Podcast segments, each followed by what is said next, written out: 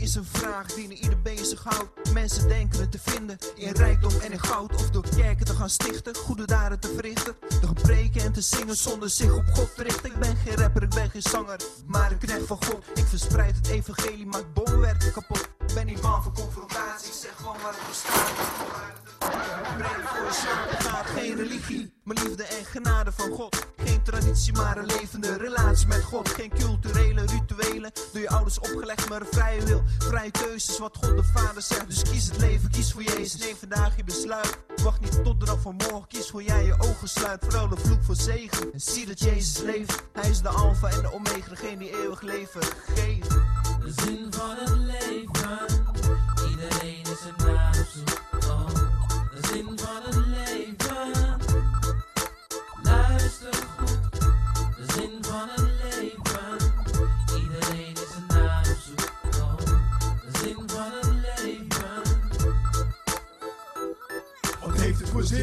Als je leeft maar eigenlijk niet klimt, eigenlijk niet wint. Je praat een hoop, maar wandelt verblind. God heeft ons geschapen voor een tien, je gaat voor zes min. God wil je zegen als echtgenote, maar jij gaat voor vriendin. Tegen zijn zin, sterker nog niet zijn bedoeling. De duivel fluistert en je luistert en hij luistert erin. Je bent het hoofd, niet de staat, geen slavin, maar vorstin. Beginnen komt op bekering, leef als een kind van de koning, de hemel als woning. Sterker nog, jouw erfdeel. En voor de mannen in Gods ogen is een vrouw in je wil. Weet dat je stilt, als je neemt wat niet van jou is. En met het hart van het oogappeltje van de vader speelt. Het is geen grap, stap in het plan van jouw maker nu. Doe het volgens zijn wil en verkondig de blije boodschap. Jezus leeft en iedereen zal weten dat hij het antwoord op de vraag wat is de zin van het leven heeft.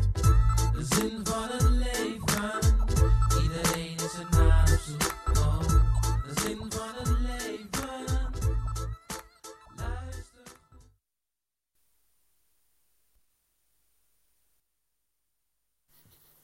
Ja, de zin van het leven. Nou, daar gaat het dus over.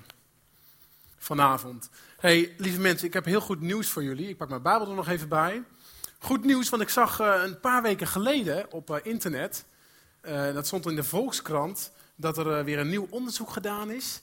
Dat het puberbrein inmiddels in staat is om een kamer op te ruimen. Nou, toch goed nieuws. Toch goed nieuws. Als je puber bent, als je tiener bent, kijk, hier staat het in de Volkskrant.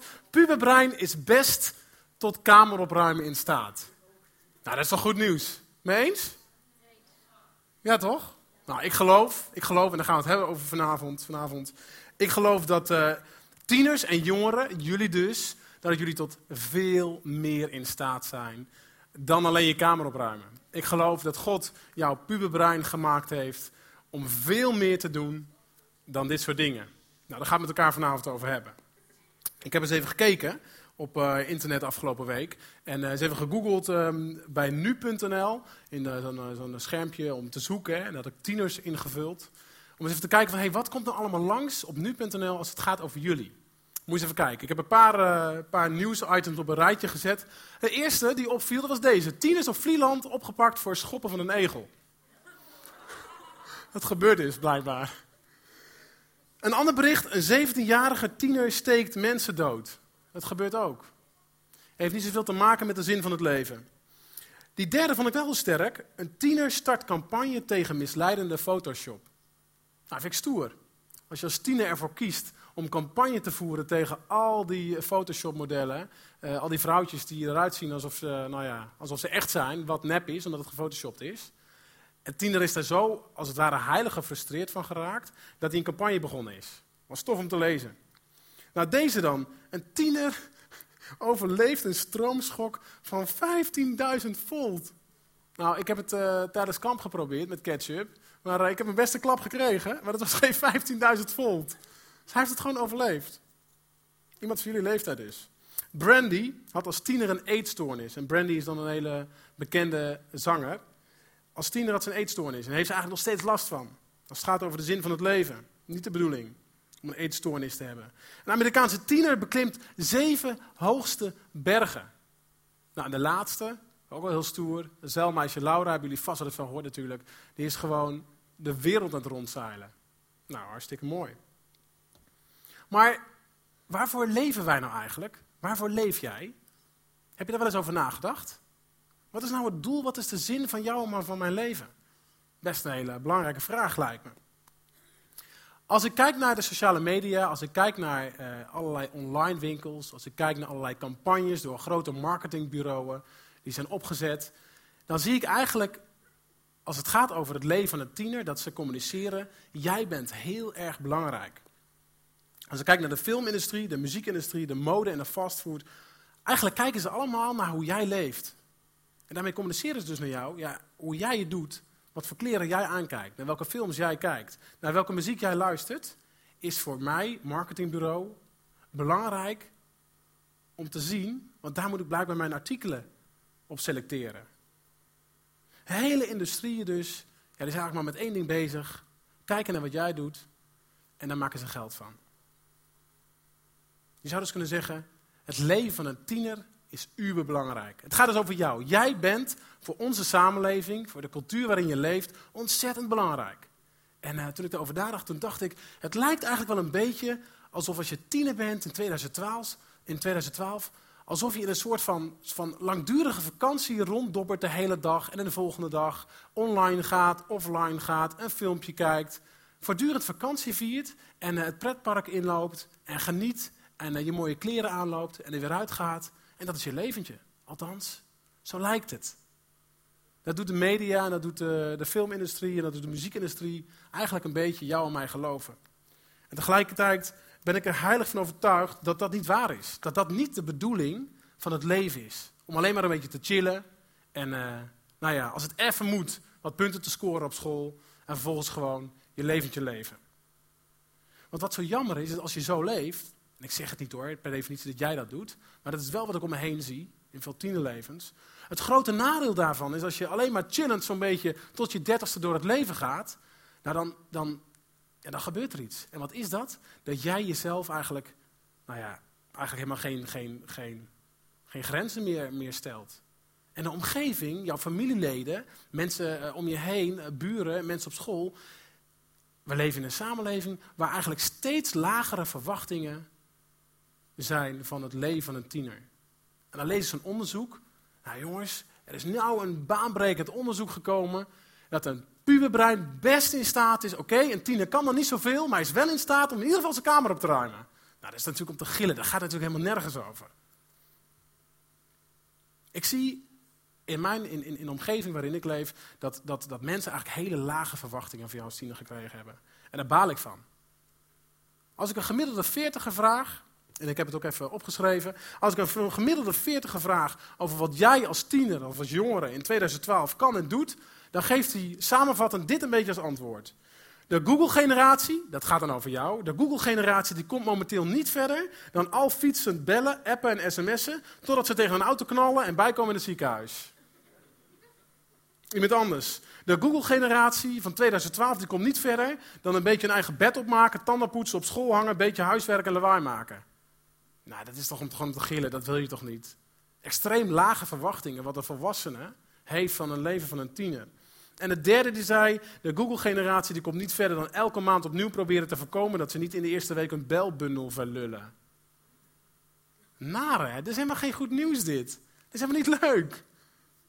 Je eens? Ik word hier een beetje zagrijnig van. Maar het triest is een beetje hiervan, het triest is dat, dat, dat de mensen om jou heen dus ja, eigenlijk, eigenlijk helemaal niets meer van jou verwachten. En, en onbewust ben jij je daar misschien ook wel een beetje naar gaan gedragen. Diep van binnen wil je dat helemaal niet. Want diep van binnen ben ik er heilig van overtuigd dat je, dat je grote dingen wil doen. Voor God, voor mensen om je heen en uiteindelijk voor jezelf. Stoere dingen doen. Maar ja, onze samenleving die, uh, ja, die verwacht eigenlijk van jou dat je pas een keertje volwassen wordt als je ongeveer 30 bent. Mijn leeftijd dus. Ja. Ik uh, wil het proberen duidelijk te maken met een voorbeeld. En dat is het voorbeeld van de olifant. Wie heeft wel eens een olifant gezien? Even tussendoor. olifant kennen we, hè? Nou, olifant is een heel leuk beest. Ik uh, moet voor mijn werk wel eens naar, uh, naar Afrika. En onder werktijd gaan we dan ook met een aantal dominees of met zakenmensen een dagje op safari. Gewoon onder werktijd. Vrij bizar. Maar als we op safari zijn, dan eh, zien we ook altijd zo'n grote olifant. En wat er een poosje geleden gebeurde, het is anderhalf jaar geleden geloof ik, dat wij door zo'n safaripark gingen en eh, in zo'n jeep, weet je wel. En toen opeens kwam er uit de bosjes zo'n mega grote olifant. Met van die grote oren en een beetje, een beetje blazen. En die kwam echt naar die, naar die jeep toe, dus ja, ik schrok me wild. En eh, die driver, oh, this serious, this serious, this serious. Zei dus hij is achteruit in die jeep naar achteren. Nou, zo'n grote olifant. die gebruiken ze in, in een heleboel landen ja, als een, als een, als een, als een, als een hoe moet ik het zeggen? Als een, als een vervoermiddel als het ware om hele grote klussen te doen. Nou, als je in Azië komt, dan zie je overal zo'n beetje van die grote olifanten die uh, niets anders doen dan uh, uh, bomen trekken, auto's trekken, waar mensen bovenop gaan zitten, van alles. Maar wat ze ook doen is dat ze hun intelligentie van de olifant testen en kijken hoe sterk ze zijn. Nou, in Azië schijnt het dan een gewoonte te zijn op festivals en in circus enzovoort, dat die, zo'n olifant allerlei, allerlei trucjes doet. En een van die festivals hebben ze een keer uh, getest hoe sterk zo'n olifant nou is.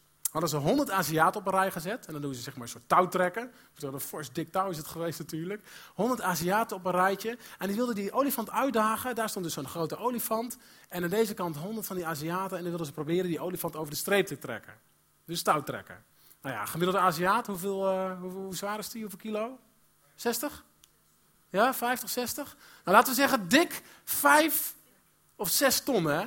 500.000 kilo aan zo'n touw, hè? En aan de andere kant de olifant. En iedere keer, tijdens die festivals, iedere keer, nou je raadt het al, wint die olifant. Dat is niet te geloven. Dus het geeft aan dat een olifant ontzettend sterk is. Het is een intelligent beest. En toch hebben die Aziaten een heel simpel, heel mooi trucje om uh, zo'n olifant, zo'n kolossaal beest waar ik bang voor was tijdens die safari, om die gewoon in bedwang te houden. Nou, het staat op, uh, op het plaatje. Dat doen ze door een paaltje in de grond te zetten, met een touwtje eraan, aan hun rechter achterpoot. In de series wat ik vertel, zo houden ze zo'n olifant in bedwang. Wanneer een olifant in Azië of in Afrika, of waar dan ook maar bent, een touwtje aan zijn rechter achterpoot voelt, of heeft zitten, dan blijft hij staan. En dan komt hij niet in beweging. Want dan weet hij, ik zit vast. Is echt zo. Nou, dat is toch raar? Dat klopt niet, hè? Ik ga het uitleggen waar het mee te maken heeft, want het is het geheim van Azië. Die olifant die zit gevangen in zijn denken, in zijn brein. Zit hij gevangen. Want wat denkt die olifant? Ik heb een, een, een touwtje aan mijn rechter achterpoot, dus ik kan niet los. En dat heeft te maken met toen hij een kleine olifant was, toen hij gescheiden was van zijn moeder en door een Aziat um, een grote ketting aan zijn rechter achterpoot gekregen heeft. En aan het einde van die ketting om een grote boom. En die eerste weken dat die olifant probeerde los te komen, trapte hij zich een ongeluk. En die ketting die sneed steeds dieper in het vlees van die poot. En die olifant probeerde dat, en die probeerde dat, en die probeerde dat, want hij wilde natuurlijk loskomen. En op een gegeven moment is hij ermee gestopt. Omdat hij dacht, ja, ik kan trappen wat ik wil, ik kom nooit meer los natuurlijk. En vervolgens, nadat die olifant dus ouder wordt, wat die Aziat doet, die vervangt die grote ketting voor een uh, dik touw om de boom, om die rechte achterpoot. En af en toe zal die olifant het nog een keertje proberen. En nog eens proberen om los te komen. Oh, hij voelt weer, het doet zeer. Dit werkt niet. En op een gegeven moment, als zo'n beest dan heel erg groot is, je ziet het op het plaatje, een simpel touwtje. Wat die olifant zo kapot zou kunnen trekken, maar wat niet gebeurt, omdat hij hier denkt, ja, ik heb vroeger zoveel getrapt in mijn leven. En het deed zo ontzettend zeer. Ik kap daarmee. Ik moet dat niet meer doen, want ik kom toch niet los. Nou, met dit voorbeeld probeer ik duidelijk te maken dat ik denk dat het ook heel vaak gaat in ons leven. Dat wij in ons denken bepaalde waarheden hebben zitten, of misschien wel, en misschien klinkt het een beetje hard, maar bepaalde leugens die zo vastzitten tussen onze oren, dat we niet zo goed meer begrijpen wat het doel van ons leven is. En dat kan bijvoorbeeld zijn als je heel onzeker bent over je uiterlijk. En van jezelf denkt van ja, uh, die meid bij mij uit de klas die is veel mooier, ze zien mij niet staan. Wat misschien helemaal niet zo hoeft te zijn, maar wat jij denkt, wat je tussen je oren hebt zitten. Of uh, dat jij misschien denkt, ja, die gast op mij in de klas, of bij mij op de sportclub, die is veel beter. Heeft veel meer talent, die doet het veel beter, hij is populair en mij zien ze niet. En dat je daarvan baalt. Of dat je misschien op momenten in je leven zit dat, je, nou, dat het even heftig is. En dat je je überhaupt afvraagt, heeft het leven in vredesnaam nog wel zin? Waarom leef ik hier eigenlijk? Wat is in vredesnaam het doel van mijn leven? En wat er eigenlijk gebeurt, is dat je dan allerlei verkeerde gedachten in je denken kan neerzetten en kan gaan vasthouden. Wat misschien nog wel een beetje veilig voelt ook, want je probeert een verklaring te vinden voor het feit dat je misschien onzeker bent. Of dat je bang bent voor weet ik veel wat dan ook. En dat je daarin gaat geloven. Nou, wij geloven, op grond van de Bijbel, dat dat de tegenstander van God is. Die ja, eigenlijk niet liever wil dan dat jij vast in je denken, zoals die olifant. En God zegt daarentegen, joh, ik wil dat helemaal niet. Ik wil dat niet. Ik wil dat je leeft. God is een God die van mensen houdt. Ik zei dat al net in mijn gebed. Hij verlangt naar jou. En hij wil niet dat je vastzit in je denken als die olifant, maar dat je gewoon in vrijheid kan leven. En dat je snapt, dat je begrijpt wat het doel van je leven is. Want God heeft een bedoeling met je leven. Ja, ja. Die olifant, hè, die is sterk, die is slim, die weet wat hij wil. Heeft enorm veel kans om, uh, ja, om als het ware de grootste en de sterkste te zijn. Van heel zijn omgeving. En dat heb jij ook. Maar als je vastzit in je denken, in bepaalde leugens die je eigenlijk een beetje bent gaan geloven, ja, dan, dan, dan belemmer je als het ware jezelf om te gaan groeien. Om uh, je eigen talenten te zien, de gaven en talenten die God je gegeven heeft.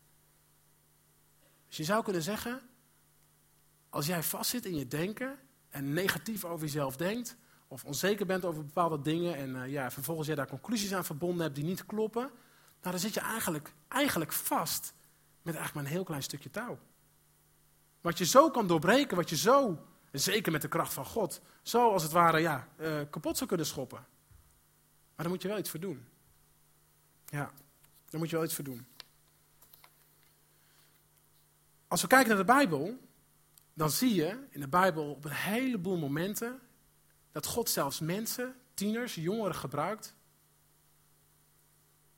om zijn liefde door te geven.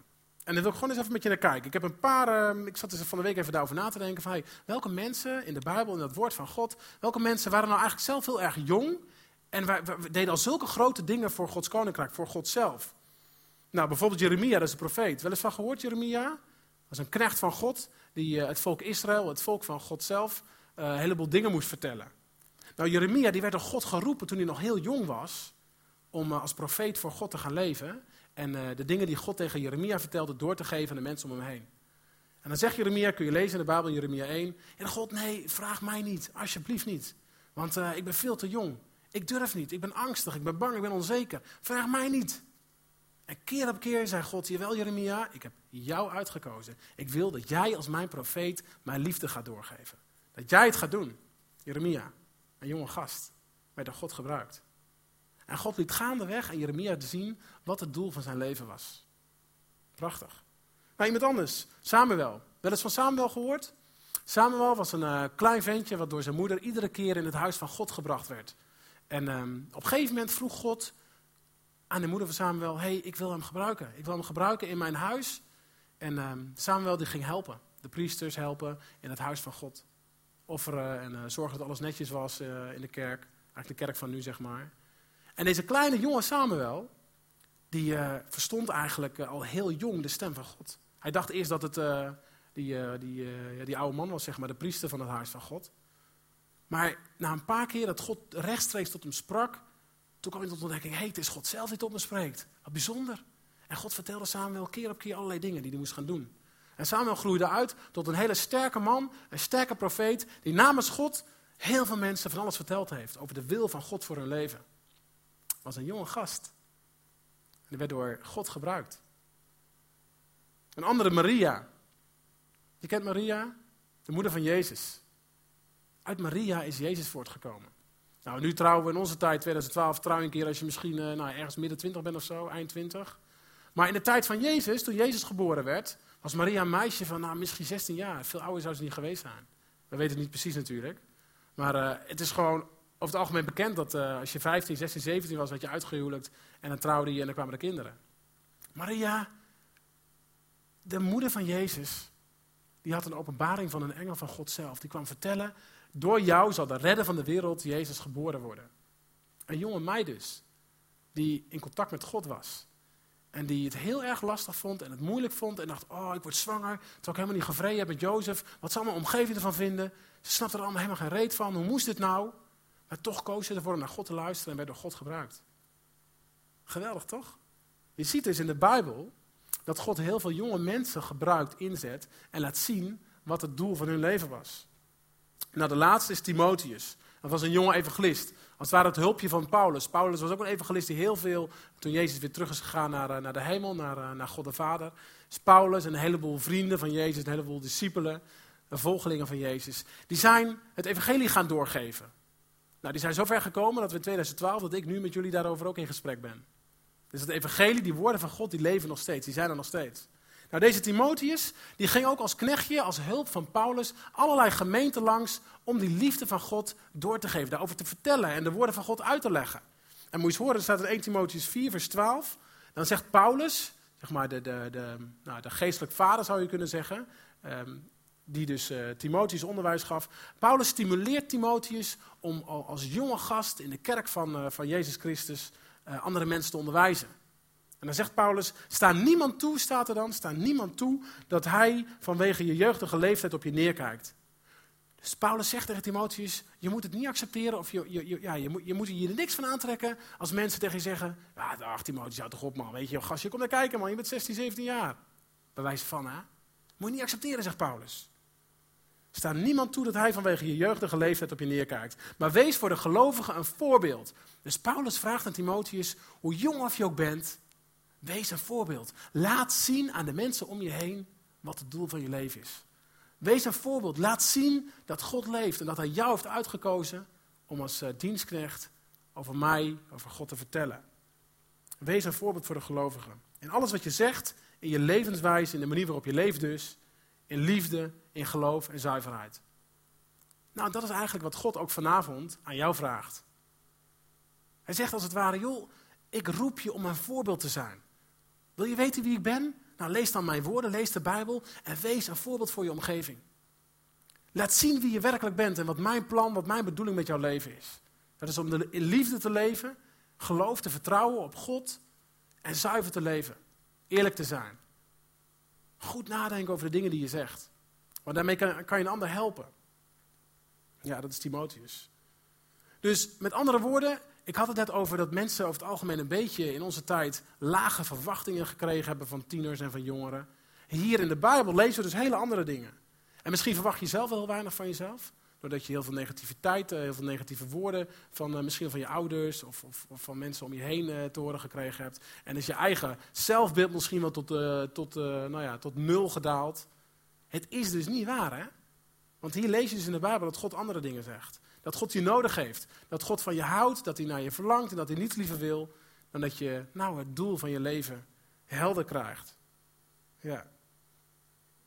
En dat verzin ik zelf niet. Ik heb net vier voorbeelden genoemd van jonge mensen die door God gebruikt werden.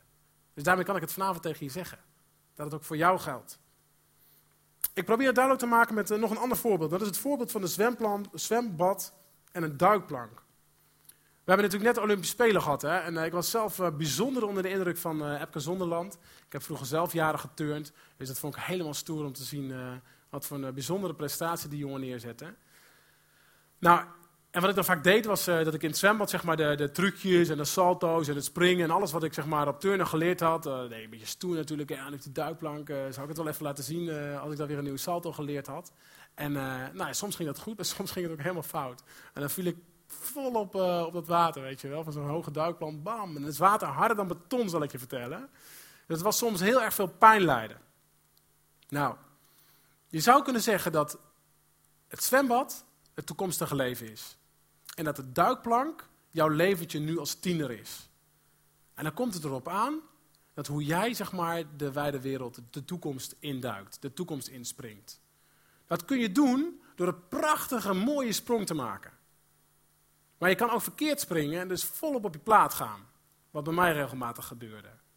En dan moet je weten, en ik heb daar veel op getraind en geoefend zelf, dat die duikplank een geheim plekje heeft. Er zit eigenlijk een, een, echt maar een klein plekje op die duikplank. Als je precies op dat plekje springt, nou, dan kun je een grandioos mooie sprong maken. Misschien wel een dubbele salto. En als je dat plekje ja, niet vindt op die duikplank, dan kun je echt uh, goed op je plaat gaan, zei ik. En uh, dan kun je op je buik vallen of op je rug vallen. Nou, het is eigenlijk aan jou om te ontdekken wat dat geheime plekje op die duikplank is. Als je goed springt, dan uh, is je leven verzekerd, als het ware. En ga je, ja, spring je de toekomst in, spring je met een mooie boog ja, jou, de volwassen wereld in, zou ik willen zeggen. als je verkeerd springt, ja, kan dat ontzettend veel ellende geven.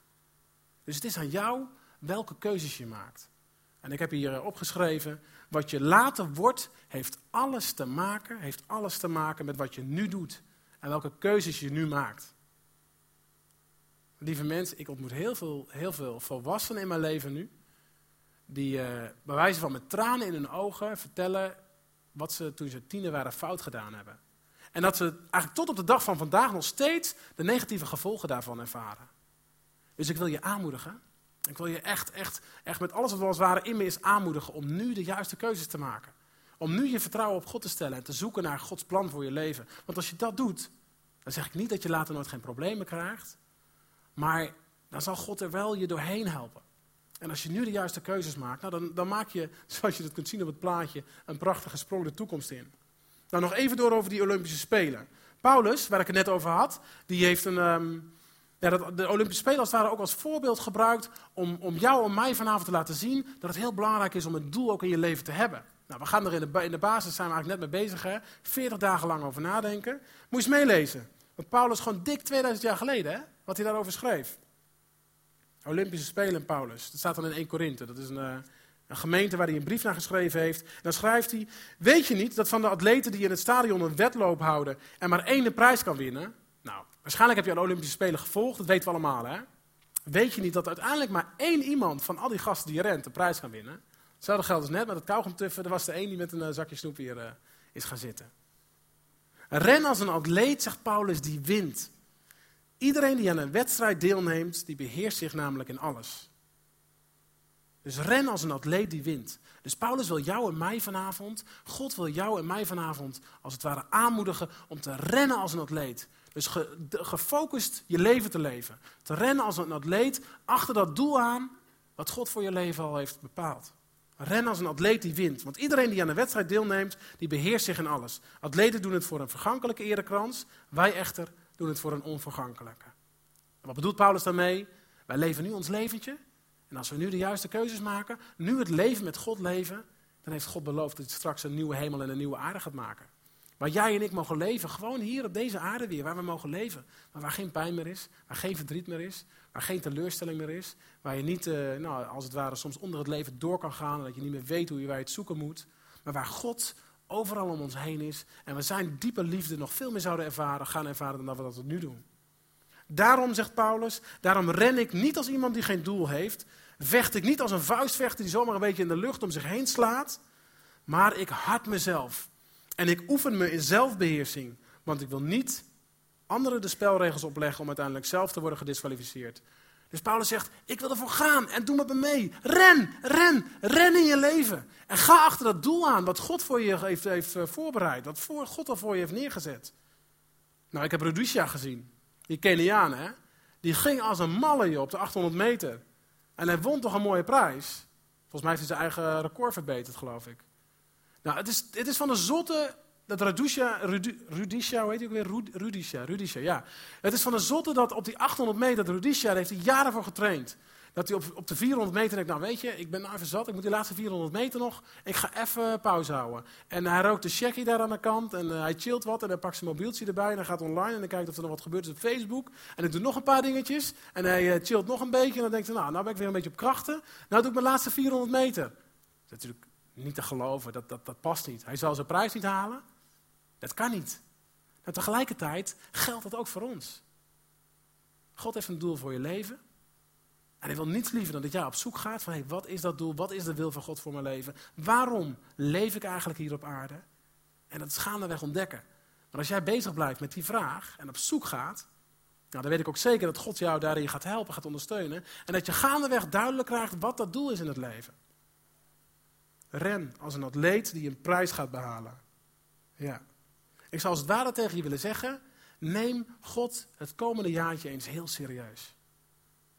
Neem God het komende jaar, 2012, 2013, eens heel serieus. En vraag het gewoon eens aan de Heere God. Heere God, wat is mijn doel hier op aarde? Vraag het gewoon eens aan de schepper, hij die je gemaakt heeft. Heere God, ik heb misschien nog heel weinig van u ervaren, maar wilt u aan mij dit jaar laten zien wie u werkelijk bent? Dan zal ik je verzekeren dat hij dat gaat doen. Neem God dit jaar eens heel serieus. Door gewoon misschien iets vaker de Bijbel te lezen. Waar hij laat zien wie die werkelijk is. En ik zal je verzekeren dat uh, als je dat doet, dat, uh, dat je gaat ontdekken welk doel God voor je leven heeft. Ik wil Psalm 139 uh, lezen als afsluiting. En dat is een, er staan een paar teksten die heel mooi vertellen ja, wie God is. En dat hij jou al kende, al voordat je er eigenlijk was. Dat is heel raar en toch is het zo, omdat God God is, omdat hij je schepper is. Moet je eens horen. Heer, zegt die schrijver in Psalm 139. Heer, u kent mij, u doorgrondt mij. U weet het als ik zit of als ik sta. U doorziet van verre mijn gedachten. Ga ik op weg of rust ik uit? U merkt het op, want u bent erbij. Met alles wat ik doe bent u vertrouwd. Dat is logisch, want God is jouw schepper. Dus hij weet wat je denkt. Ook de leugens die je misschien uh, door andere mensen tussen je oren hebt gezet. En uh, ja, wat natuurlijk bij de tegenstander van, van God vandaan komt. Hij weet alles wat je denkt, alles wat je zegt, alles wat je doet. Is bij hem bekend, staat hier. Ja, ik wil nog een paar versen lezen. Toen ik in het verborgene gemaakt werd, vers 15. Kunstig geweven in de schoot van de aarde, was mijn wezen voor u geen geheim. Dus de schrijver zegt hier, toen ik gemaakt werd in de buik van mijn moeder, toen wist u al dat ik er was. En toen zag u alles al. U heeft een plan met mijn leven. Uw ogen zagen mijn vormeloos begin. Alles werd in uw boekrol opgetekend. Aan de dagen van mijn bestaan ontbrak er niet één. Dus daar begint het, hè? Toen jij geboren werd en uh, de eerste stapjes maakte, was God er al bij. En het is zijn verlangen, het is zijn diepe verlangen, dat je meer en meer gaat leven voor hem. Nou, ik zei het al, zou je God gewoon het komende jaartje serieus willen nemen? Dat mag je doen, dat kun je doen. En wij willen als basis jou heel graag daarbij helpen, door gewoon ook deze komende periode, en natuurlijk gewoon het hele jaar in het jeugdwerk op vrijdagavond, in alles gewoon samen ontdekken wie God is. Ik wil vragen of de band vast er weer op het podium wil komen. We gaan een lied zingen, waarin God ook uh, in dat lied zeg maar zegt, wat we net gelezen hebben in Psalm 139, dat hij je gemaakt heeft en dat hij van je vraagt om ook een reactie te geven. Nou, in deze periode willen we dus 40 dagen lang nadenken over die vraag: wat is het doel van jouw bestaan? Waarvoor leef je nou eigenlijk? En ik kan daar nu natuurlijk vanavond nog veel meer over zeggen. Uh, dat kan niet vanwege de tijd. Maar we willen heel graag samen met jou onderweg gaan, op weg gaan, een jaar lang, om gewoon stukje bij beetje meer te gaan begrijpen over wie God is.